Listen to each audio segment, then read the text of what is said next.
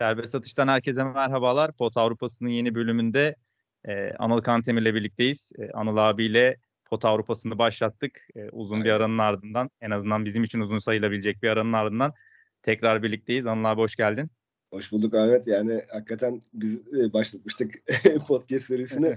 Şu an hakikaten benim yüzümde bir gülümseme var. E, beraber tekrar bir arada olmak çok güzel her zaman. Sen de her zaman çok güzel yani zaten beraber program yapmak. Tekrar da böyle fırsat oldu. Bugün e, Eurolig'in geride kalan 5 haftasını konuşacağız. E, beklentilerimizi aşan ve beklentilerimizin e, biraz altında kalan ekipleri değerlendireceğiz. Neler bizim için sürpriz oldu, e, neler e, beklentinin dışında daha olumsuz seyretti.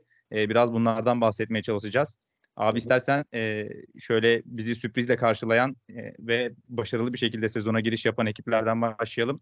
Pek yabancı olmadığımız bir takımla başlayabiliriz. Namalup devam eden Fenerbahçe Beko.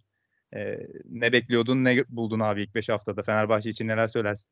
Ya açıkçası hani ben ilk bu şeyde de konuşurken e, ilk böyle programı değerlendirirken yani daha doğrusu Euroligi değerlendirirken ilk programda e, yani ben hani Fenerbahçe'nin bir e, ilk 8 mücadelesinin içerisinde olabileceğini ve bunun bir, biraz da hani koç e, vasıtası yani ikilisi vasıtasıyla daha çok olacağından e, bahsetmiştim.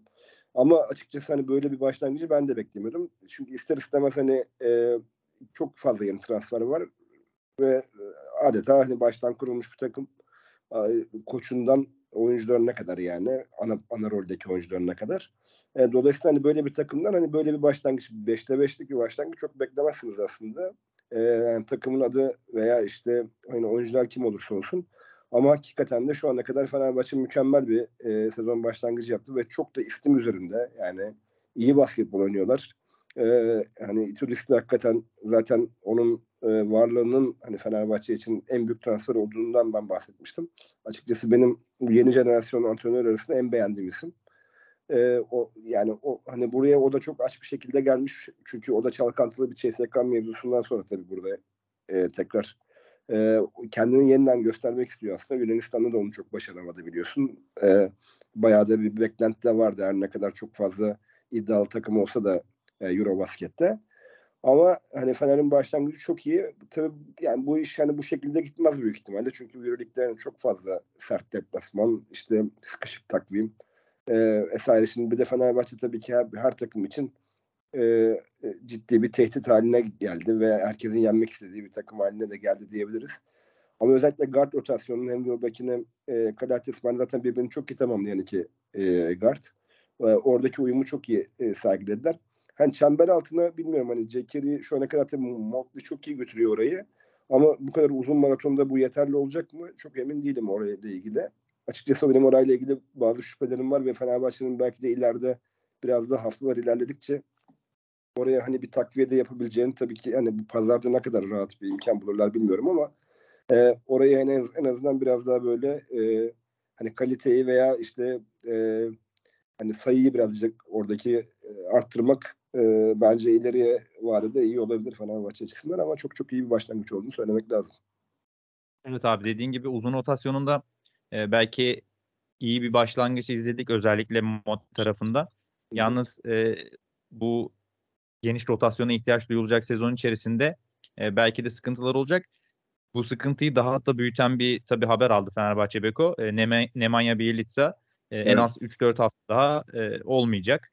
Tabii evet. bu ağır sakatlığın ardından dönüşü nasıl olur o da soru işareti.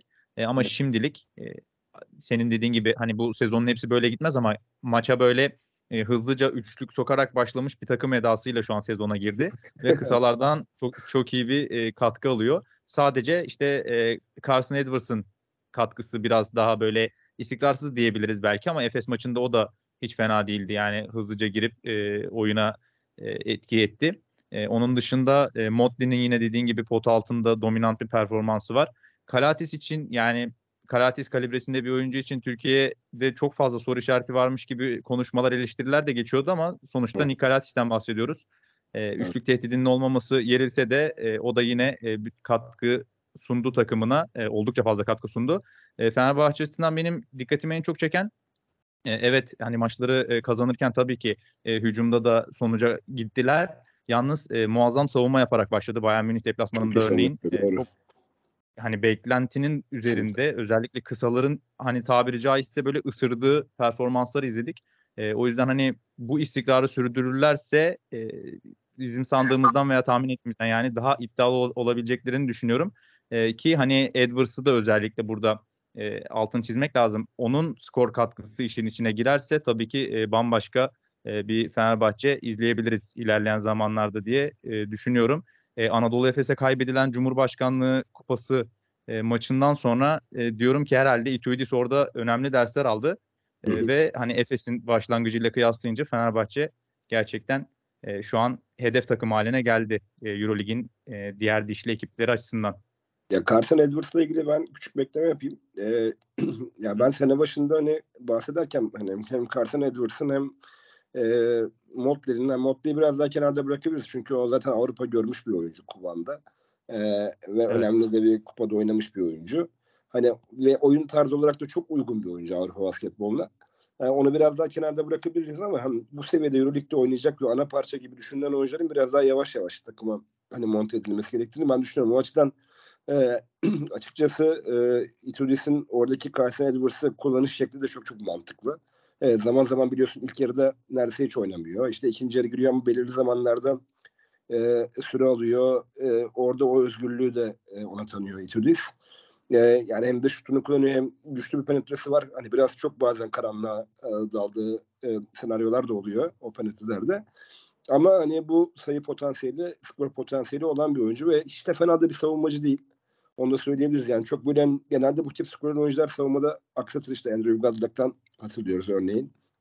Yani bu tip problemleri e, yaratırlar bu tip oyuncular. İşte e, çok önemlilerinden bir tanesi belki işte Eric McCollum. O da yani mesela savunmada biraz daha idare eden bir oyuncudur. Her ne kadar top çalması falan fena olmasa da hani o tip şeyleri kovalayan bir oyuncu çünkü ama yani bu tip oyuncularda bu tip eksikler hani beklersin ama e, Carson Edwards'da e, bunun yavaş yavaş turist tarafından takıma monte edildiğini ve bunun çok da doğru bir e, yöntem olduğunu ben düşünüyorum. Evet abi yani e, fiziksel dezavantajını e, göz önüne aldığımızda e, oraları kapatabilecek kadar e, istekli bir e, savunma yapmaya çalıştığını görüyoruz. Hani ne kadar başarılı, ne kadar savunma biliyor Avrupa için özellikle konuşmak gerekirse Evet. e, tabii ki tart- tartışılır ama cidden sahaya koyduğu emek e, takdiri hak ediyor. E, Evet, diğer evet. taraftan da kısa rotasyonunda e, Guduric ve e, Scottie Wilbeck'in katkıları çok dikkat çekti. Hani beraber olur mu? İşte Guduric, Wilbeck'in, Kalatis, Wilbeck'in derken hakikaten e, hem Kalatis'ten hem Wilbeck'inden hem de e, Guduric'ten çok net ve e, olumlu katkılar almayı e, başardı Ituidis. E, bir de tabii e, Dechampierre'in özellikle e, bence istatistik kağıdına yansımayan oyun içerisindeki katkısı da eklenince Fenerbahçe şu an istikrarı yakalamış gibi görünüyor. Evet. Kesinlikle. Evet abi diğer taraftan e, istersen ekleyeceğim bir şey yoksa e, Makabi'den de söz edebiliriz. E, ligin e, ikinci basamağına onlar da e, kendilerini attı. E, arkalarından işte Olympiakos e, geliyor. Hani şimdi Makabi tabii ki e, zaman zaman istikrarsız kötü dönemler geçirse de bu ligin e, gediklilerinden tabii ki bir tanesi. Ve işte son 10 yıl içerisinde şampiyonluklarını işte Final Four'unu Final Four'larını gördüğümüz takımlardan bir tanesi. E, ama bu seneye biraz daha böyle hani karman çorman bir takımla e, başladılar e, gibi görünüyordu. İşte Baldwin'le Lorenzo Brown nasıl olur diye düşünürken e, bir anda onlar da e, 5'te 4 ile giriş yaptı. Makabi için e, neler söylersin? Senin dikkatin neler çekti Makabi'de? Olumlu yanlar, olumsuz yanlar. Yani Makabi'den de beklentim benim açıkçası Fenerbahçe'den farklı değildi. Ee, Biraz daha böyle yine Evet. playoff potasını yani hani böyle 8.liği 7.liği zorlayacak bir işte zorlamaya çalışan bir takım olur diye düşünüyordum açıkçası Makabi'de. Hani bunu ne düşündürtüyor tabii bunu? E, yani tabii kendi takımın yapısına bakarak konuşuyorsun bunları. Sahada çünkü falan bambaşka şeyler görüyorsun ki zaten e, yani dörde bir yapmış durumdalar şu anda. E, ama tabii Makabi'nin en büyük şansı yani Lorenzo Brown transfer ettiler. Lorenzo Brown bu öyle bir oyuncu değildi. Onu söylemek lazım. Bu arada Lorenzo Evet. Brown'la ilgili hani bence hani yanlış bilinen şeyler de var. Bu arada Lorenzo Brown hani yani Eurolig'in başaltı takımlarında ki gördük bunu Kızıldız gibi işte Unix Kazan gibi ki Unix, Unix Kazan'ı bir e, miktar daha yükseltmişti yani Lorenzo Brown. E, o tip takımlara çok iyi liderlik yapabilen bir oyuncu. E, çünkü o özgürlüğü biraz daha eline alabiliyor ama ne, ne zaman ki işte biraz daha böyle rollerin karmaşıklaştığı işte Fenerbahçe'de örneğin orada yaşa, yaşadığı problemleri hatırlayalım. biraz daha kendi rolünü net bir şekilde göremediği zaman e, oralarda sorun yaşayan bir oyuncu. Şimdi Maccabi de onun için e, hakikaten Kızıldız ve Unix'den macerası dışında bir macera değil. Çok benzer rollerde oynuyor. Yine oyunun e, kontrolü ve takımın e, direksiyonunu tamamen aslında hani Wade Baldwin gibi alfa bir karakter olmasına rağmen takımda e, öyle görünmüyor. Yani hani Lorenzo Brown'un takımı gibi görünüyor Maccabi. E, ki Wade Baldwin hani biraz önce de söyledik. E, tabi Bayern'den itibaren hani Baskonya ile beraber her zaman o da takım, bir takıma liderlik yapan oyuncu hüviyetindeydi ki bence tabii öyle bir e, oyun karakteri yani o şekilde gö- bir yani fikir veriyor olabilir ama oyuncunun e, yani mental sıkıntıları çok ciddi boyutta bence. E, ve benim çok güvenmediğim tarz bir oyunculuk. Tabii ki yetenekleri tartışılmaz bir oyuncu ve çok da iyi girdi sezona. Onu söylemek lazım ama bu takım hani genel olarak baktığın zaman da e, ya evet hani çok böyle e, her yıl üzerine koyarak e, kalitesini gösteren oyuncular var. Bunlardan bir tanesi mesela Alex Poitras. O da yani hani Galatasaray'dan itibaren her sene üzerine biraz daha koydu. İşte Zenit'le beraber. Yine burada Maccabi'de çok çok iyi bir rolde. Ama takıma tek tek baktığın zaman hakikaten 4-1 yapacak bir takım görüntüsü yok. Çok çok önemli bir başarı bence. Olet Kataş'ı da tebrik etmek lazım. Benim çocukluğumun, gençliğimin e, ideolojilerinden biridir. Çok çok severdik. Hatta benim bir arkadaşımda onun forması vardı. İbranice. Odet Kataş forması. Ee, İsrail'den gelmişti. Yani böyle hayran hayran onu böyle kenara koyup bakardık böyle yani formaya. Ee, hiç unutamıyorum. Yani çok sevdiğimiz bir oyuncuydu. Ee, hani bizim çocuk çocukluğumuzun işte e, gençliğe girişimizin diyelim dönemin. Ee, onun da tabii başarılı olması, onu kenarda görmek e, tabii ayrı da bir e, keyif veriyor o zamanları, o günleri hatırlatıyor. Evet abi yani aslında hani koç profili olarak e, bakınca belki de e, yani şimdi bir, bir tarafta işte e, evet evet Ituidis'i, Obradovic'i vesaire düşününce EuroLeague e, koçlarının potansiyellerini, yapılarını, geçmişlerini e, şimdi e, burada Kataş o kadar da iddialı görünmüyordu belki ama takımını evet. en azından sezonun şimdilik başlangıç kısmı için iyi bir yere taşıdı. E, tabii dediğin gibi abi şimdi burada e, kağıt üzerinde kadroya bakınca her ne kadar e, 4 birlik dereceyle buralara gelmiş olsalar da hani uzun soluklu e, lig macerasında hani bu istikrar sürer mi? Ben açıkçası o kadar da düşünmüyorum. Çünkü e, hani e, Lorenzo Brown'la Wade Baldwin'in e, biraz daha hani eline kalan ve onların e, cidden sürüklediği e, bir takım hüviyetindelerdi e, şimdiye kadar. Hani aşağı yukarı attıkları işte sayılarında neredeyse yarısına yakınını e, bu iki isimden buldular. Yine asist katkıları da buralardan geldi. Hani şöyle toplam skora etkilerine baktığımız zaman belki de e, yarısından daha fazlasına etkiliyor bu iki isim. E, o yüzden tabii onların istikrarı önemli olacak ama e, yine de e, işin sonuna baktığımız zaman aynı seyirde devam edemeyeceklerini açıkçası e, ben düşünüyorum. Yine de tabii e, beklentimizin üzerinde bir başlangıç olduğunu söyleyebiliriz için. Kesinlikle. Diğer taraftan abi e, Olympiakos'a geçebiliriz. Olympiakos'ta hani tabii ki iddialı ekiplerden biri. Geçen yılın Final Four yapmış e, takımlarından bir tanesi. Yalnız tabii yaz transfer sezonunu e, düşününce Real Madrid'i, Barcelona'yı işte her ne kadar çok büyük bir değişik değişim gösterse de Fenerbahçe'yi e, diğer taraftan Efes'te Clyburn transferiyle iddialı iddiasını sürdürdü diyelim. E, bu ekipleri düşününce Olympiakos belki de hani buraların bir tık altında görebileceğim e, o geçen yılki başarısını tekrar eder mi? Final Four görür mü? Çünkü işte Monaco ile 3-2'lik bir serinin ardından Final Four yapmışlardı geçen yıl. Ufak tefek soru işaretleri barındıran bir takımdı ama onlar da gerçekten e, özellikle İspanya turundaki o üçlü üçlük e, başarılarıyla gerçek e, ciddi anlamda bizi şaşırttı. E, Olympiakos e, sezona yine 4-1 başlayan ekiplerden bir tanesi. Ya evet ben mesela Olympiakos'u Final Four adayları takım arasında saymamıştım yani. Bu benim biraz ayıbım olmuş evet. gibi. Ama oradaki sebeplerim de şunlar da daha çok. Yani mesela Şimdi en önemli e, yaratıcı oyuncularından biri kim? Olympiakos'un işte her zaman geçen sene The Fresh oyuncularından biri Tyler Dorsey yani. İşte Tyler Dorsey gitti evet. Olympiakos'tan. Tyler Dorsey'nin ikamesi bir oyuncu yok. Yani o tarz bir oyuncu transfer edilmedi. E, onun onun yerine transfer edildiğini düşünmüyorum tabii ki de. Hani kadroya dahil edilen Isaiah Kenayan yani onunla alakası bile olmayan bir oyuncu yani perde çıkışı veya işte screen çıkışı dış şutu olan işte zaman zaman işte penetreleriyle işte floaterlarıyla zaman zaman işte sayılar bulmaya çalışan e, bir oyuncu Isaiah Kenayan. Yani çok temas sevmeyen, savunmada zaaf yaratan. Yani hani e, Dorsey'nin bir karşılığı değildi. O, yani böyle bir oyuncu da alınmadığı için e, ben Olympiakos'ta e, özellikle işte hani maçların sonları, işte karar anları, ya Sulukas'ın üzerinde çok fazla yük kalacağını düşünüyordum. Hala da aslında bunu düşünüyorum, onu söyleyeyim. Ee, yani şu, tabii ki oradaki çok o süreçten çok iyi çıktı Olympiakos. Senin de söylediğin gibi İspanya turnesinden diyelim. Ee, ama işte mesela son maçta bu sıkıntıyı gördük. Yani son maçta çok tıkandı mesela Olympiakos. Ya aşamadı. Bu sefer Laranjakis'ten o her zaman aldığı desteği alamadı. Çünkü çok ekstra katkı veriyor Laranjakis. Özellikle son periyotlarda.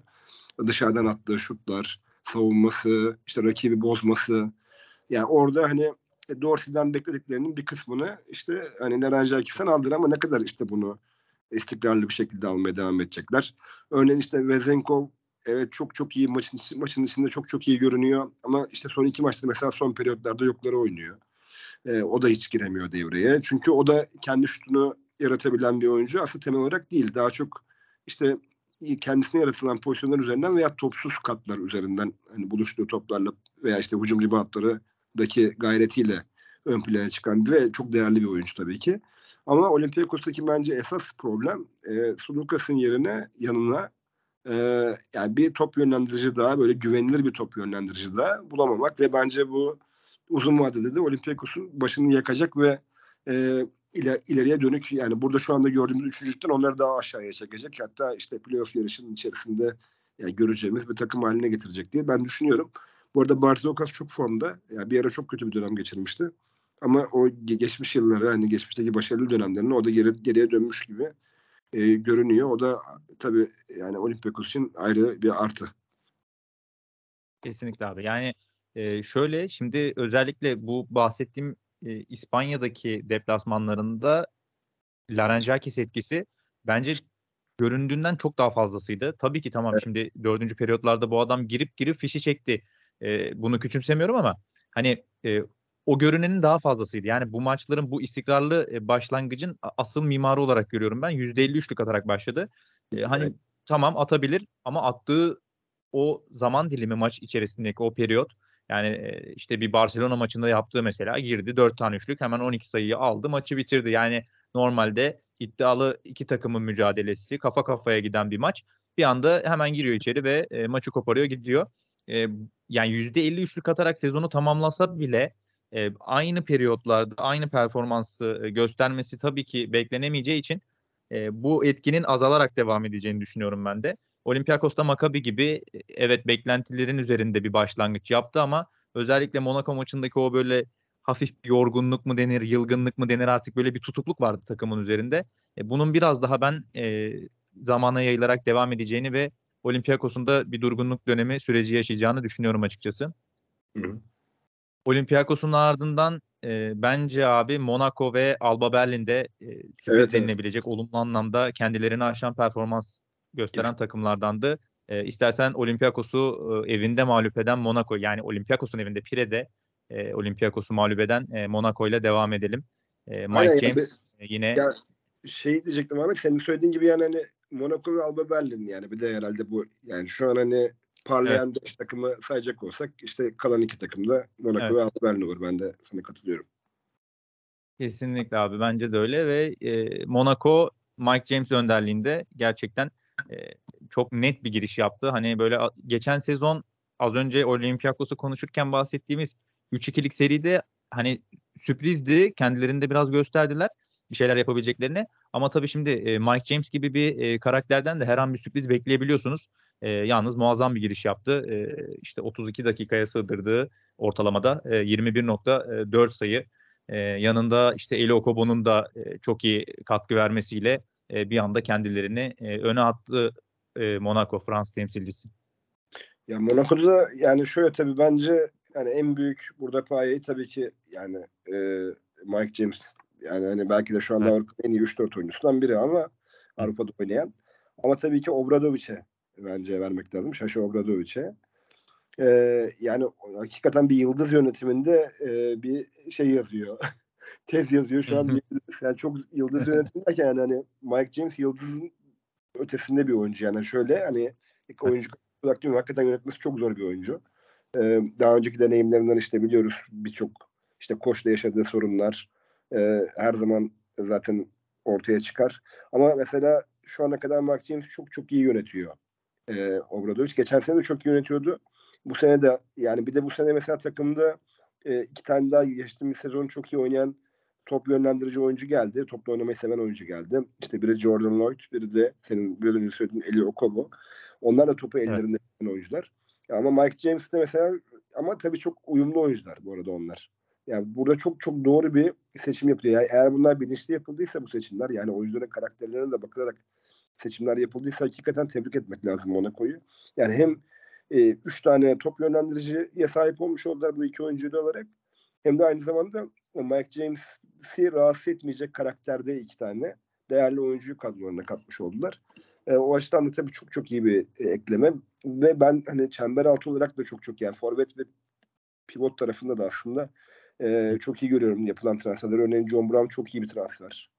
E, işte Blossom Game e, kanatları çok iyi savunabilen, savunması çok iyi bir oyuncu. Onunla beraber Alfa Diallo zaten geçen sene de bir çıkış yapmıştı. Bu sene daha olgun bir oyun oynuyor.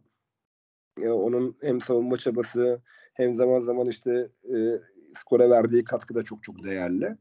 E, ya bunların hepsinin yanında işte Dante Ol gibi, Mateo Yunus gibi iki tane hani ne alacağınızı zaten üç aşağı beş yukarı bildiniz. E, çok da sizi sürprize götürmeyecek oyuncular da e, var. O yüzden Şaşa Obradovic'in hakikaten güzel bir takım. Şaşa Obradovic için çok iyi bir takım kurulduğunu aslında Mike James'in etrafındaki oyuncuların da yani Mike James'in kimyasını bozmayacak tarzda uyumlu ve evet.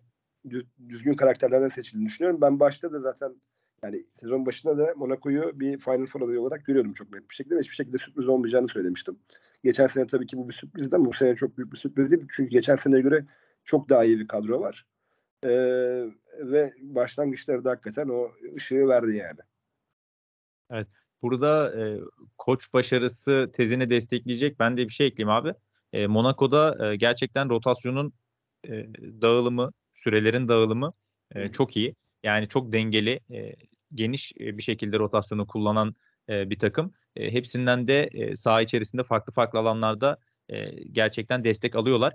Sadece e, skor anlamında Mike James'in e, sürüklediğini görüyoruz. E, burada e, takımın attığı sayıların ortalamada dörtte birini atıyor. Bu belki onun kötü gününü günü e, kötü bir gün geçirdiği dönemlerde maçlarda e, problem yaratabilir. E, ama takımın kimya anlamında bir problemi olmadığını hesaba katınca e, lige ısındıkça, lig ilerledikçe e, diğer oyuncuların da burada e, devreye gireceğini düşünüyorum açıkçası ki e, şu ana kadarki süreçte özellikle ben Okobo'nun e, bu tarz dönemlerde bazen tek başına hani 1'e 5 girip hemen orada takımı e, belli bir noktada maçın içinde e, tuttuğunu e, gördüm. E, bu yüzden de Monaco şimdiye kadar değerlendirdiğimiz özellikle işte e, Olympiakos ve Maccabi'ye göre daha istikrarlı bir e, sezon geçirecek gibi görünüyor. Ya bir de Mike James'in oyunu biraz olgunlaştı Ahmet ya ben onu hani şey yapıyorum. Ya mesela eskiden e, kötü tercihleri çok daha fazlaydı. İşte çok daha fazla topu elinde tutarak oynardı. Hala tabii yani oyuncunun özelliği biraz tabii öyle olduğu için hani o evet. hemen sıfırlanmıyor yani bu söylediklerin hepsi yani şu anda hiç görmediğimiz şeyler değil tabii ki ama hani geçmişe oranla kıyasla e, biraz daha e, yani bunları daha fazla yaptığını e, daha e, düzeltiyorum daha az yaptığını görebiliyoruz. O da şey e, tabii ki e, takıma da yani olumlu bir şekilde yansıyor. E, Monaco'da ben sana da katılıyorum yani bence de Olympiakos ve Maccabi'ye göre defoları daha az olan bir takım. E, daha böyle hani zaten e, kağıt üstündeki sunduklarıyla sahaya koydukları birbirine paralel olan bir takım. E, yani bu iki takımın da ötesinde şu anda. Fenerbahçe biraz daha bu, bunların hepsinin çok ayrı bir noktası. Çünkü çok formda. E, yani ve zaten oyuncular çok kaliteli. Orada çok çok iyi bir kimya belki de oluştu yani. E, öyle bir şekilde oluşturuldu. E, onu biraz daha zaman gösterecek bence ama e, Monaco Olympiakos ve Maccabi'nin bence de önünde. Abi e, Alba Berlin'e geçelim istersen. Alba'da da e, yine gerçekten e, takım olarak e, sahada var olan e, dengeli bir şekilde hücumun da savunmanın da dağıldığı, hep birlikte işlerin yürütüldüğü e, bir ekip olarak karşıladı bizi.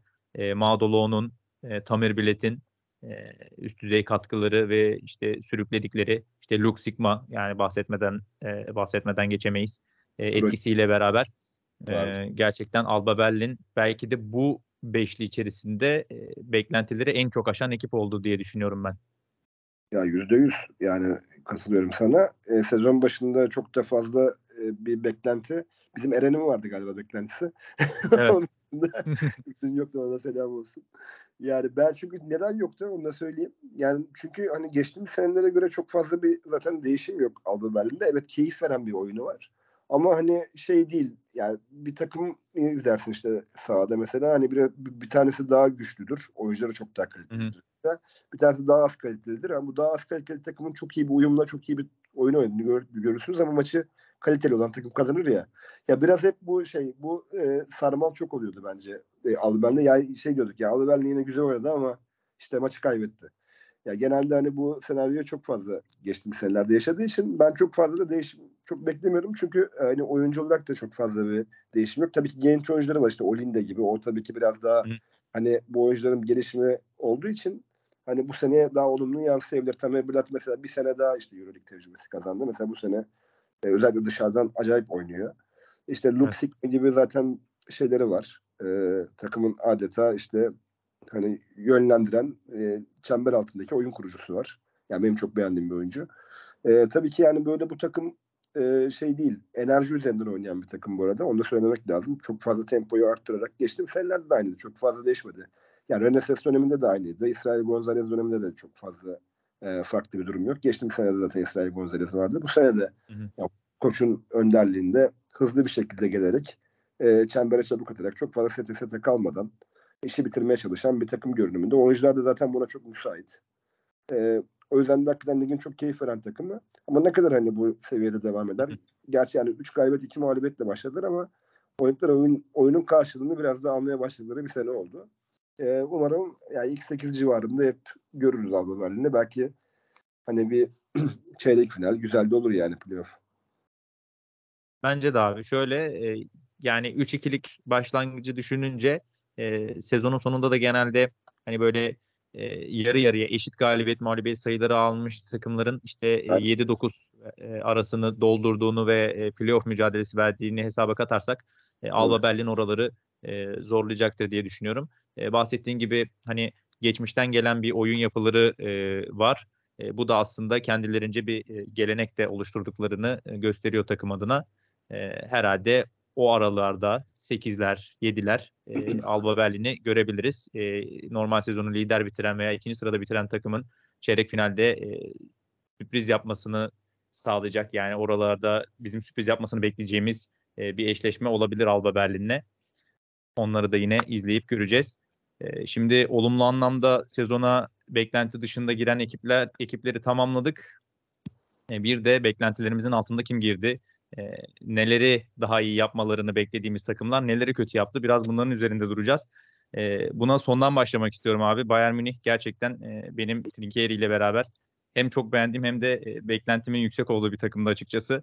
E, hani geçtiğimiz sezonun başındaki sıralamayı yapsaydık asla Bayern Münih'e 18. sırada yer vermezdim açık söylemek gerekirse ama 5'te 0'la e, son sıradan giriş yaptılar EuroLeague sezonuna. Ya ben çok formsuzlar yani. Yani oyuncular tek evet. tek de çok formsuz. Hani yani koç da koç severiz, koç da formsuz.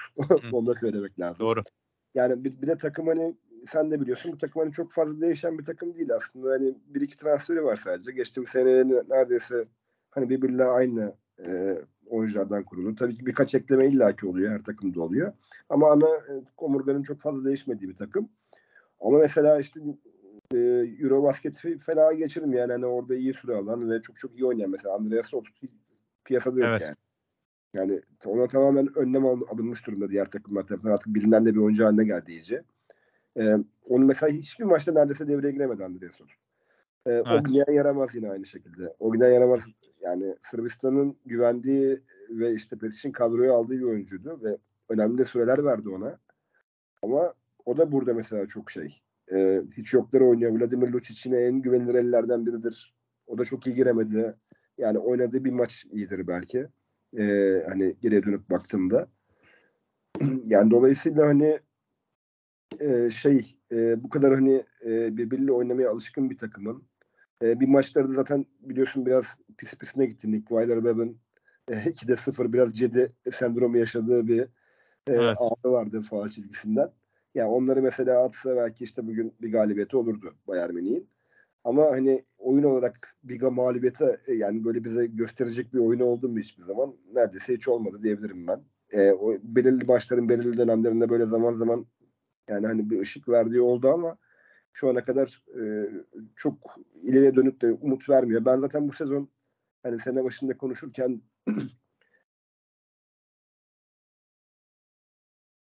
pardon e, sene başında konuşurken biraz hastayım biliyorsun. o yüzden ses zaman Evet, zaman gidebiliyor. E, yani ben çok hani X8 şansı vermiyordum Münih'e bu sene. Çok da değişmedi yani görüşüm. Hani bu 5-0 yani 0-5'i görünce böyle hani konuştuk değil aslında sezon başında da çok e, iddialı görmüyorduk yani playoff için Münih. E, abi şöyle e, sezonun ilk 5 maçında 70.2 sayı ortalamasıyla girdiler.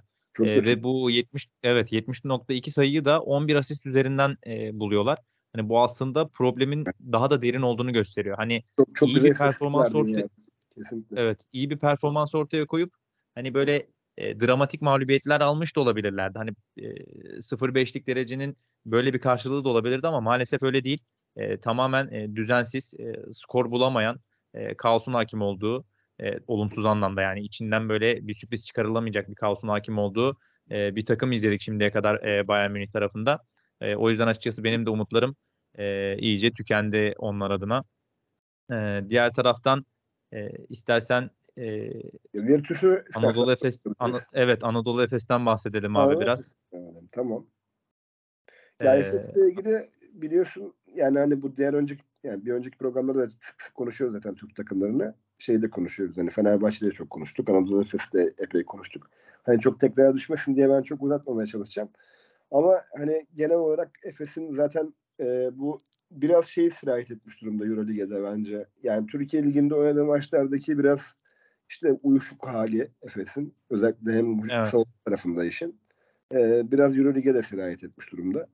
Yani orada da çok böyle maç içinde kopuşlar çok fazla oluyor. E, bu biraz Ergin Ataman'a da üzerine de yapışan bir hale geldi bence. Yani onun e, maç hazırlığıyla ilgili yani takımın maça getirmeyle ilgili de bazı problemler yaşadığını ben geçtim senelerde de bunlar çok tekrarlandığı için artık yani koçun üzerine de yapıştığını düşünmeye başladım yavaş yavaş. Çünkü bu sorunu bir türlü gideremiyor. Belki bu istenen bir şey. Onu da bilmiyorum. Ee, hani yani çok uzun bir maraton. E, Euroleague. E peki ne yapalım? Yani biraz işte hafif başlayalım. Yani çok tempo yükseltmeyelim. Ama işte zamanla işte öyle bir zamanda işte şey yapalım ki forma girelim ki hani e, bu sefer de rakipler biraz düşmüş olsun e, diye düşünüyor olabilirler ama ya bir yandan baktığımda da şöyle bir şey var tabii ki. E, oyuncuların oynadıkları sürelere bakıyorum ana oyuncuların. Yani çok çok fazla süreler işte. Mesela Mitsic 30'ları geçiyor. E, şey Clyburn 30'ları geçiyor ve mecburiyet, mecburiyet yani bu biraz da. Neden? Çünkü işte zaten Larkin yok. İşte Boboa zaten sağlık durumu işte her maç oynamaya elverişli değil. Özellikle Fenerbahçe maçında da zaten çıkamadı biliyoruz. E, Buğra'nın çok kötü girdi sezona. E, Larkin zaten işte yok.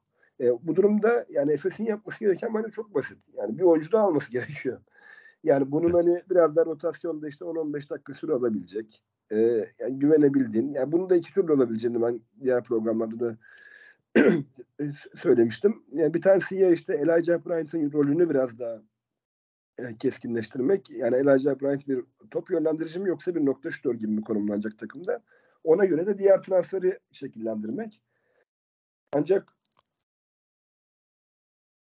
ancak böyle bir durum işte maalesef e, biliyorsun e, sene başından beri çok çözümlenemedi. çözümlenemedi. Ya böyle bir ara Jovic ismi çıkmıştı. Stefan Jovic. Hani Evet. onun transfer edilmesiyle ilgili bir konu vardı ama sanırım o transfer de olmadı. E, yani bu durum Misic'i çok fazla bence. Yani mental olarak da zorlamaya başladı. Mesela Misic'ten görmediğimiz agresiflikler var maçta. Ya ben şaşırıyorum mesela. Ee, hani işte çok böyle yani hani sakin görmedim onu da. Bu da çok fazla oynamaktan olabilir. Yani çok fazla süre almak, sorumluluğu çok fazla üzerinde hissetmek. Ee, onu çünkü paylaştıkları zaman hani Larkin'le Efes'i biraz daha e, biz üst seviyede görüyorduk. Ee, yani bir de son bitirirken yani Zizic'le ilgili bir konuşmak lazım. Yani çok ufak da koça, koçtan bahsedeceğim ama Zizic'i ben Efes'in doğru kullandığını düşünmüyorum. Yani özelliklerini doğru kullandığını düşünmüyorum. Yani Zizic çember altında çok iyi pozisyon alan bir oyuncu. Ama onu o çember altında aldığı pozisyonlarda Efes bu- buluşturmuyor. E, Zizic'e bambaşka bir rol vermeye çalışıyor. İşte tepeden e, hani onu bir dansman gibi bir pasör olarak kullanmaya çalışıyorlar. Evet tabii bu da Efes'in oyunun bir parçası tabii ki yani bu, bunu da yapması beklenebilir ve hakkıdır bunun koçun bunu böyle bir şey beklemesi. Ama oyuncunun şu zamana kadar getirdiği, ortaya koyduğu en iyi olduğu e, şeyi de hali de e, kullanmak lazım oyun içerisinde ama bunu Efes hiçbir zaman neredeyse çok oyunun çok küçük zamanlarında ben belki de oyunun bilerek değil de yani oyunun gidişatına uygun olarak yaptığını ben görüyorum. E, savunmada da mesela Ergin Ataman'ın çok yanlış zamanlarda oyuna soktuğunu mesela Fenerbahçe maçında fark 6-7 sayılardaydı sanırım. E, top Fenerbahçe'deydi. 2 dakika kalmıştı. Yani orada mesela ikili oyun oynayacağı belliyken Karates ve, ve Motley üzerinden Zizic'i oyuna soktu. E, Ergin Ataman. Zaten ikili oyun savunması sıkıntılı bir oyuncu. E, yani Evet. burada problem yaşanacağı belli. De, yani koç da çok formda değil. Oyuncular da e, çok formda değil. Bence yani takımın e, eksik oyuncuyla oynadığını düşünüyorum. Yani bana bence bir transfer gerekiyor. Ya tüm bunları düşününce yani şu anda iki galibiyet iyi bile diyebilirim. Evet abi yani e, Larkin'in özellikle açıkçası ben sakatlığının bu kadar e, uzun sürede geri dönmesini gerektirecek bir sakatlık olduğunu çok da beklemiyordum. E, ama Larkin'in e, dönüş süreci e, uzadı ki Larkin olsa bile belki bir e, kısaya ihtiyaç duyacaklardı. E, tamam şunu biliyoruz işte Galatasaray Beşiktaş döneminden de Ergin Ataman'ın zaman zaman 6-7 e, oyuncuyla maçları oynadığını, dar rotasyonu sevdiğini yalnız e, söylediğin gibi işte Misic'in e, Clyburn'un 35-36 dakikalar oynadığını oynadığını hesaba katınca hele Misic'in e, yerel ligde de Türkiye liginde de benzer süreler süreleri aldığını düşününce e, cidden bu oyuncuların üzerine çok yük biniyor ki e, hani burada da özellikle yine skor dağılımında, top paylaşımında e, iki oyuncu üzerine e, odaklanmış e, bir yapı görüyoruz Efes'te. Hani Larkin gelse ne olur? Bu üçlü bu sefer nasıl paylaşır? Şimdi Mitsic'le e, bir uyum yakaladıklarını biliyoruz tabii ki. Gördük Larkin'in iki tane de üst üste şampiyonluk kazandılar ama Clyburn'u bu sefer oraya nasıl adapte edebilecek? E, nasıl bir rolde kullanmaya çalışacak koç? E, o da belki bir soru işareti olacak. E, bekle diğer oyuncuların da beklenenin altında katkı vermesi. Dediğin gibi şimdi Zizic'i neden alırsın diye sorduğumuz zaman aslında senenin başında Efes'e gelmeden önce senin söylediklerini sayardık.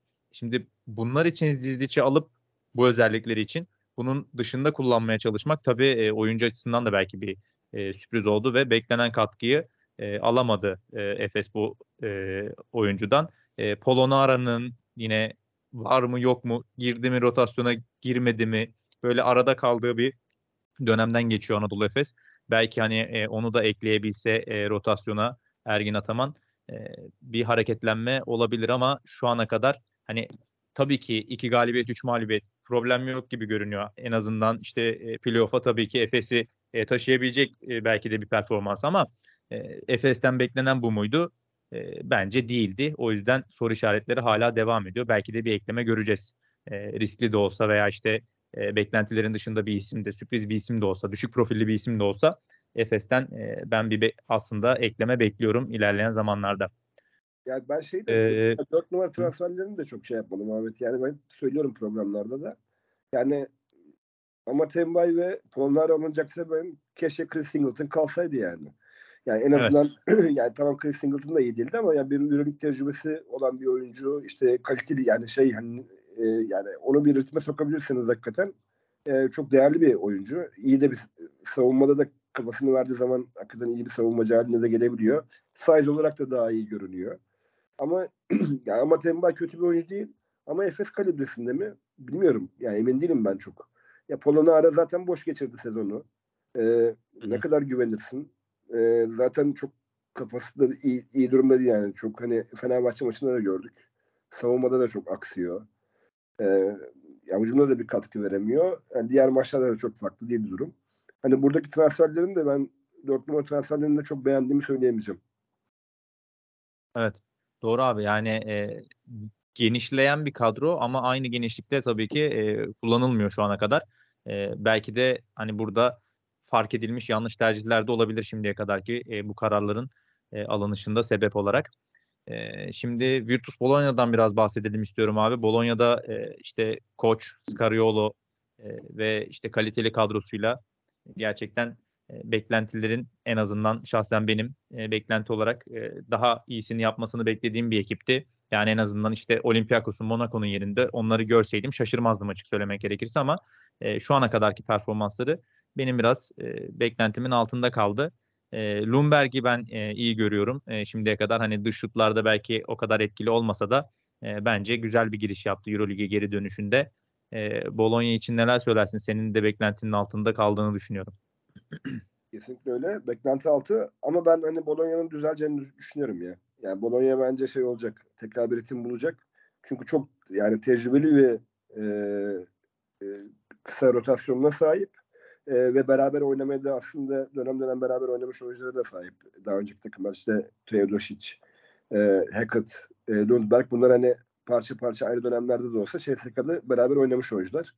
E, ve CSK'nın da o dönemler hani ne kadar yani o dönemler ne kadar iyi bir takım olduğunu ve bu e, ta, şeyle guard rotasyonunda da hakikaten çok başarılı olduğunu biliyoruz. Çok iyi savunmacılar bir kere Lundberg ve Hackett. Zaman zaman da hücumda da çok e, faydalı olduklarını da biliyoruz yani. Dış şut olsun, işte ikili oyunlar olsun. Teodosic zaten e, bir sihirbaz yani. O hani her ne kadar yaşlansa bile e, yani elinizde öyle bir değer varken hakikaten kullanırsınız. E, yani onun dışındaki oyuncular bile bak yani Nikola Mannion ve Alessandro Paola biliyorsun şeyin İtalya takımının guard ikilisiydi. Yani tam yeterli bir guard ikilisi değil İtalya için. Ama hani milli takım seviyesinde oyuncularda Marco Bellinelli gibi iyi bir şutura sahip. E, çember altına bakıyorsun işte Jordan Mickey var. E, yani hakikaten çok iyi bir takım. Şimdi Şengel yanında e, gelmesi de çember altında topu iyi kullanan ve e, takım arkadaşlarının iyi açılarla paslarla buluşturabilecek de topu da hani yönlendirme becerisine sahip bir uzunluğuna da sahip olacaklar ki bu da diğer kısılarında e, fena şutörler olmadığını hatta bazılarının çok iyi olduğunu düşündüğümüzde e, Virtus Bologna'nın oyununa çok olumlu katkısı olacaktır. Ya tabii şey Sergio Scariolo da yani çok yoğun bir Eurobasket geçirdi. Çok da değerli bir koç. E, bir milli takımın koç efsanesi diyebiliriz yani onun için. E, ve tabii onu da yani hani mental olarak biraz yorulduğunu da düşünmek lazım bence. E, kolay değil. Zaten hani Teodosic ve e, e, Şengel yanında eksikleri vardı. Şimdi Teodosic döndü ama hani Şengel'e de yakın dönecek diyorlar. Hani ya bu hafta ya ondan sonraki hafta sanırım göreceğiz onu da kadroda. Ya iyi bir takım, çok geniş daha e, geniş bir e, rotasyona sahip. E, uzun vade için çok değerli bence bu ve oyuncuların kalitesi de hakikaten işte aşağıda değil. E, Birçok oyuncunun e, yani bir ikamesi var takım içerisinde. Ben o yüzden de yani Virtus Bologna'yı yakın zamanda tekrar yani bir e, seri galibiyetlerini göreceğimizi e, düşünüyorum. E, tekrar o eski şaşalı günlerine döner mi tabii orası şüpheli ama en azından belki e, bir playoff'la bir başlangıç güzel olabilir yıllar sonra. Evet abi Scariolo faktörü e, benim için de çok önemli burada. E, yani şöyle e, bir süre dağılımına baktığım zaman takımda da gerçekten e, çok dengeli bir dağılım var. E, bu rotasyonun hakkını veriyor şimdiye kadar koç. Hani dediğin gibi bu yaz döneminin milli takım yorgunluğunu belki üzerinden atıp o da lige ısındıkça e, buralarda belki e, aldığı verimi de oyuncularından daha da artıracaktır. E, burada işte ortalama yine aslında 70 sayıyla oynayan bir takım görüyoruz evet ama ya, en azından iki galibiyetle giriş yaptılar. Aynen yani mesela iki galibiyet. söyledin ya Bayern Münih'te neredeyse evet. aynı sayı ortalamasına sahipler. Kesinlikle. Ama çok daha fazlasını e, gösterdiler. Yani özellikle son bir iki hafta e, şeyde yani hani bizim için e, baktığımızda hani Bayern Münih'in çok çok fersah fersah ötesinde bir basketbol farkı var. Kesinlikle abi. Şöyle e, burada da ben e, senin söylediklerini destekleyen e, şöyle bir e, sonuç çıkarıyorum özellikle istatistiklere baktığım zaman. E, ritimsizlik şu ana kadar söylenebilecek tek şey aslında e, Bologna için. Yani e, oyuncular gerçekten dengeli bir şekilde e, skoru üstlenmişler. E, ama beklentilerimizin daha altında kalan yüzdelerde e, şut sokmuşlar.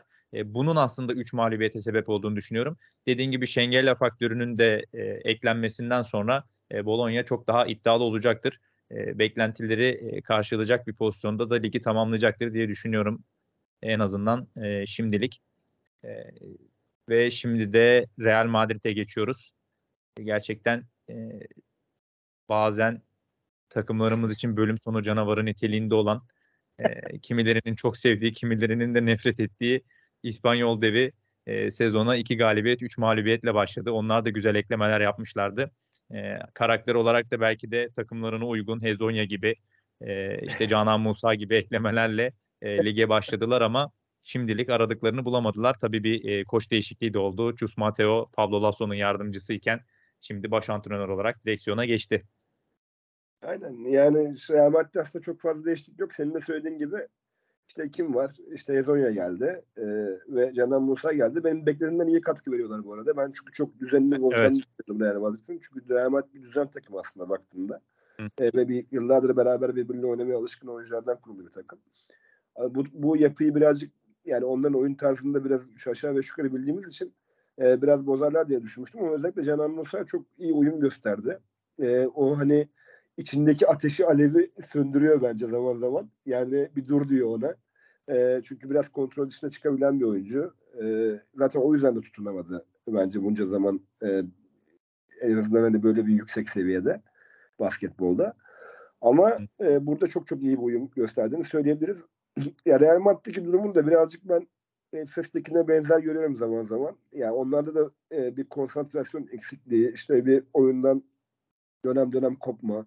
E bir de tabii oyuncular çok yaşlanıyor artık Ahmet. Yani hani yani Tabii. şey Sergio Lul, işte Fabian Cazor yani bunlar işte Rudy Fernandez zaten çok göremedik de. E, Sergio Rodriguez eklendi bunlara. Sergio Rodriguez o da yaşlı bir oyuncu. Enerjik bir oyuncu ama işte yani yaşı ilerliyor onun da. E tabi bunlara baktığımızda tabi bunlar hani Real Madrid'in ruhu demek birazcık. Hatta maçların sonunu hala e, yani pek Hezonya ve e, Canan Musa'dansa işte şöyle bir beş görüyoruz genelde. İşte Sergio Lul, Kazör, Yabusele işte çember altında da muhtemelen e, Petr Corneli ile beraber e, şey e, Tavares oynuyor. Tabi zaman zaman hani buraya Hezonya da dahil oluyor. Canan Musa da dahil oluyor. Ama genelde hani güvendiği beşe e, onları tutarak maçın sonunu oynamayı tercih ediyor. Çus atıyor. Ama yani hani Real Madrid tabii düzelir. Yani Real Madrid böyle 2 3 iki galibiyet 3 mağlubiyette kalmaz. İlla ki bir ritim bulacak. Çünkü çok güçlü bir çember altında mesela iki tane dev var kadroda. Yani Tavares çıkıyor, Puglia giriyor. Yani çember altını çok iyi savunan bir, bir takım. E, winner bir takım. E, yani ben zamanla tekrar benim de hatta şampiyonluk favorimdi açıkçası. Sezon başında yani şampiyon favorilerinden biriydi. E, en başlıca geleniydi hatta. Ama e, çok iyi bir giriş yapamadılar. Biraz bu şeyden de dediğim gibi hani tabii koç değişikliğinde etkisi var. Yani ne kadar hani. Pablo Lazo'nun 2000'den de olsa e, yani kolay değil tabii ki. E, çünkü Pablo Lazo da biraz şeydi. E, kenarda hakikaten etkili bir antrenördü. E, Evet. O inandıran bir antrenördü. E, ya zamanla Real Madrid'in bu hani yavaş başlangıcı biraz aldatıcı gibi geliyor bana. Evet, e, ben de aynı fikirdeyim abi. E, uzun vadede de işte Campazzo gibi benzer ekolden gelen yabancı bir e, guard olabilir. E, böyle bir ekleme veya alt jenerasyondan e, bir oyuncu gelirse veya işte İspanyollar e, yine etkili bir kısa çıkarırsa onlar onlar Real Madrid'e eklenirse bu işte Rodriguez, e, Yul ve e, Fernandez. Aynen Fernandez. Bu adamın adını sürekli unutuyorum. Çok ilginç yani sevmediğimden galiba bir türlü ısınamadım. Adını hatırlayasım bile gelmiyor. Aynen. Ee, bu Fernandez'in e, belki de değişimi ancak o zaman olacak. Çünkü e, dediğin gibi hakikaten hala karar anlarını e, bu oyuncularla oynamaya devam ediyor Real Madrid. E, son olarak abi aslında hani kötü başladı diyemeyiz e, ama e, nasıl başladığına bir türlü e, benim açıkçası e, karar veremediğim bir ekip. E, Barcelona hakkında neler söylersin çok merak ediyorum. Ya Barcelona ya evet kötü başlamadı dediğin gibi. Aslında hani yani belki hani 4 4-1 olması belki normal Evet. onun için. Hani 3-2 başladılar. Ya Barcelona yani bana işte yani geçen sene de keyif vermiyordu. Bu sene de çok aslında keyif vermiyor. Açık söyleyeyim. Hı hı. Oynadığı basketbol. Ya e, umarım işte bu hafta bir aksilik olmazsa gidip tribünden de izleyeceğiz. Oradan reklamını da yapayım. Yani bir maçı izleme şansım olacak Barcelona Fenerbahçe. Umarım hani bir aksilik olmazsa Barcelona'da. Yani orada tabii biraz daha hani daha yakından görme şansı tabii ki olacak. Ee, ya bu maç saatlerinden dolayı da biliyorsun işte hani zaman zaman böyle bir takım oturup da tamamen izleme şansımız her zaman olmuyor. Hani Barcelona tabii ki izlediğimiz takımlardan biri. Yani her hafta parça parça da olsa. Ee, ya ben şey diye bekliyordum açıkçası hani Saturanski'nin gelişiyle hani biraz daha şey olur diye e, takımdaki hani kısa rotasyondaki kalite ve işte top yönlendirmedeki oradaki personel sayısının artacağı ve hani bunun Barcelona'nın oyununa olumlu yansıyacağını da açıkçası düşünmüştüm. Ama bu sefer de Barcelona'da şöyle bir sıkıntı oldu. Yani şu- bir hani saf bir şutör bulmakta yani Kyle Kuric dışında yani net bir şekilde yani orada bir problem yaşadıklarını düşünüyorum açıkçası. Ee, bir de tabii top yönlendiren oyuncuların da yani mesela Nikola Laprovitova çok iyi bir iki senedir çok çok iyi top oynuyor hakikaten ve e, ona, ona çok da güveniyor Yasikevicius. Ama yani işte bir Corey Higgins'in bu kadar hani çok sakatlık e, şeyi olması yani hani çok fazla sakatlanabilen sakatlanabilen bir oyuncu olduğunu düşündüğümüzde bir Laprovitova bir de Satoranski ile ne kadar hani sürdürülebilir bir kısa rotasyonunda ki kalite ne kadar sürdürülebilir ve bir sonuç çıkaracak ortaya. O konuda da bazı şüphelerim var benim açıkçası Barcelona ile ilgili. Ama hem Sertaç'ın tabii çok iyi bir sezon başlangıcı var. O hani bence güzel oldu. Hem yani şimdi Sertaç'ın öyle başlaması sevindirici güzel oldu bizim için de. Ee, yani Veseli benim beklememden mesela daha düşük bir tempoda başladı sezonu. Evet. Ama o açıdan mesela Sertaç'la çember altında çok iyi kapatabildiler. Tabii daha bu takıma Mirotic tabii hani daha var yolu gibi görünüyor Mirotic'in ama e, Mirotic katılacak. E tabii o zaman onun işin seyri çok daha fa- farklı bir noktaya gidecek. Ya ama yani şu beni çok rahatsız ediyor tabii basketbol sever olarak. Yani hani Yasikevicius'un biraz yani çok fazla Yasikevicius'a göre oynayan bir takım. Yani biraz daha böyle özgürlük verilmesi gerektiğini düşünüyorum oyunculara. Yani yani işte o özgürlük sadece belki birazcık Laprovitola da var gibi görünüyor. Onun dışında hiçbir oyuncuda ben öyle bir özgürlük göremiyorum. O rahatlığı da göremiyorum. E, bu zaten Yasikevicius'un biraz artık alameti farikası gibi oldu. E, Evet. Şey vardı, bunu bir önceki programda da söylemiştim sanırım ama emin değilim. İşte Clyburn mesela Ergin Ataman'la ilgili konuşurken hücumda ne kadar önemli bir özgürlük verdiğinde özellikle vurgu yaptı mesela röportajında. Hı hı. Ee, yani böyle bir özgürlüğü Barcelona'da bir oyuncuya sorsanız böyle bir cevap verir mi? Çok emin değilim yani. Hani net bir şekilde verir mi? Bu kadar. Hani bir tek belki Laprovitova der yani bana biraz daha rahat imkan sağla diye vesaire diye. Çünkü o da yani oyun, onun oyun tarzından kaynaklanıyor birazcık bence. Yani öyle bir oyuncu olduğu için. Ya o kabul ediliyor. Ama e, yani tabii Barcelona çok geniş bir kadro. Her ne kadar hani Yasikevicius hücumda birazcık frenlese de takımı iyi bir savunma takımı. E, onu da söylemek lazım ki bu çok önemli. E, o yüzden de yani her zaman zaten ilk üçte ilk dörtte göreceğiz yani Barcelona'yı o kalitesiyle. Evet abi. Ama karar anlarında Yani- ne olacak tabii onu göreceğiz. Yine her zaman olduğu gibi. Sezonlarda olduğu gibi. Kesinlikle. Ondan bahsedecektim. E, Yasikevicius gibi e, önemli bir kariyere sahip oyun kurucunun koçluğunda e, Barcelona'nın bence e, kritik anlarda e, eğer veda edecekse örneğin Eurolig'e işte Final Four'da da olabilir bu. İşte yarı finalde veya finalde. E, playoff'ta da olabilir veya sezon içerisinde de ilginç mağlubiyetler aldığında da ben şunu göreceğimizi düşünüyorum. Yani uzun rotasyonunda Sertaç güzel başladı. İşte Toby fena değil. E, Veseli bence e, e, sakatlık yaşamazsa her türlü e, o katkıyı tabii. verecek. İşte. Kalinic 3 numarada 4 numarada yani gerçekten Veseli ve Kalinic Fenerbahçe dönemlerinde inanılmaz gelişen oyuncular ve hani basketbol aklı olarak Barcelona'ya çok şey kattıklarını katacaklarını düşünüyorum. Ee, Barcelona eğer bu tarz kayıplar yaşarsa bahsettiğim şekillerde e, burada muhtemelen kısa rotasyondan kaynaklı kayıplar yaşayacak. Bu da Yasikevicius için gerçekten çok ironik olacak diye düşünüyorum. Bu Barcelona'nın takım sezonu mesela için. krize bu takım mesela krize girince krizi kim çözecek abi? Yani Evet. ben benim buna net bir cevabım yok mesela. Mesela Efes olsa krize girince derim ki ya Larkin çözer ya hatta Hı hı. Clyburn ve Clyburn de çözer tabii ki ve işte Milicic çözer derim. Yani Real- Evet. mesela ben mesela Satoranski'yi çok beğendiğim bir oyuncu. Çok çok beğendiğim bir oyuncu abi. Hakikaten çok beğendiğim bir oyuncu. Ama karar anları da şüpheliyim. Yani Satoranski'nin o işi çözebileceğinden.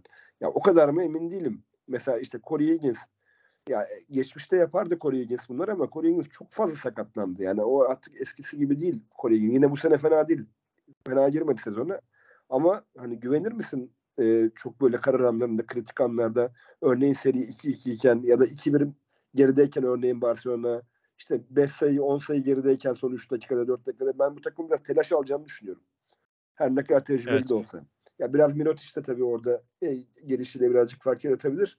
Ama yani basketbolda birazcık kısada bitiyor. Yani bu tip durumlarda. Evet, kesinlikle. Ee, ve hani şöyle de bir durum var. Potansiyel e, kapasite olarak bunu yapabilecek oyunculara sahip olsa bile bence oyuncular bazen e, şunu da yaşıyor veya yaşayacak. E, hani orada karar anlarında öne çıkmalı mı? O topu kullanmalı mı? Orada kontrolü eline almalı mı, almamalı mı? Evet, Yapabilecekse bile bu tereddütte kalabileceğini çok düşünüyorum. Yani hani şahsen amatör olarak e, bizim kendi oynadığımız e, zamanlarda bile ben hani e, şunu düşündüğümü e, çok hatırlarım.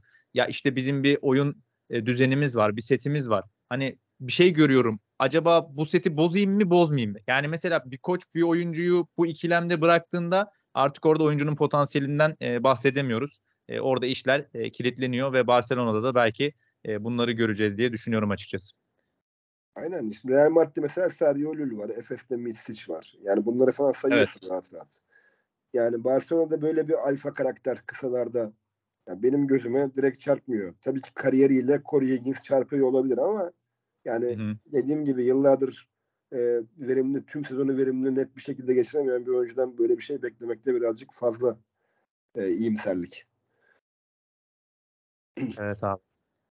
Ee, Euroleague sezonunun yükselenlerini, e, düşüşleri, beklenti altında kalanlarını ve bir de Barcelona e, sürpriz joker olarak e, değerlendirmelerimizi e, yaptık. E, ekleyeceğim bir şey yoksa abi e, Pot Avrupa'sının e, bu bölümlükte sonuna geldik. Çok teşekkür ederim ben de ağzına sağlık senin de. Ben de teşekkür ediyorum abi. E, dinleyicilerimizin e, yorumlarını da e, göz önünde bulundurarak e, ekipman takviyelerimizle e, Pot Avrupa'sına ve diğer podcast serilerimize devam ediyoruz.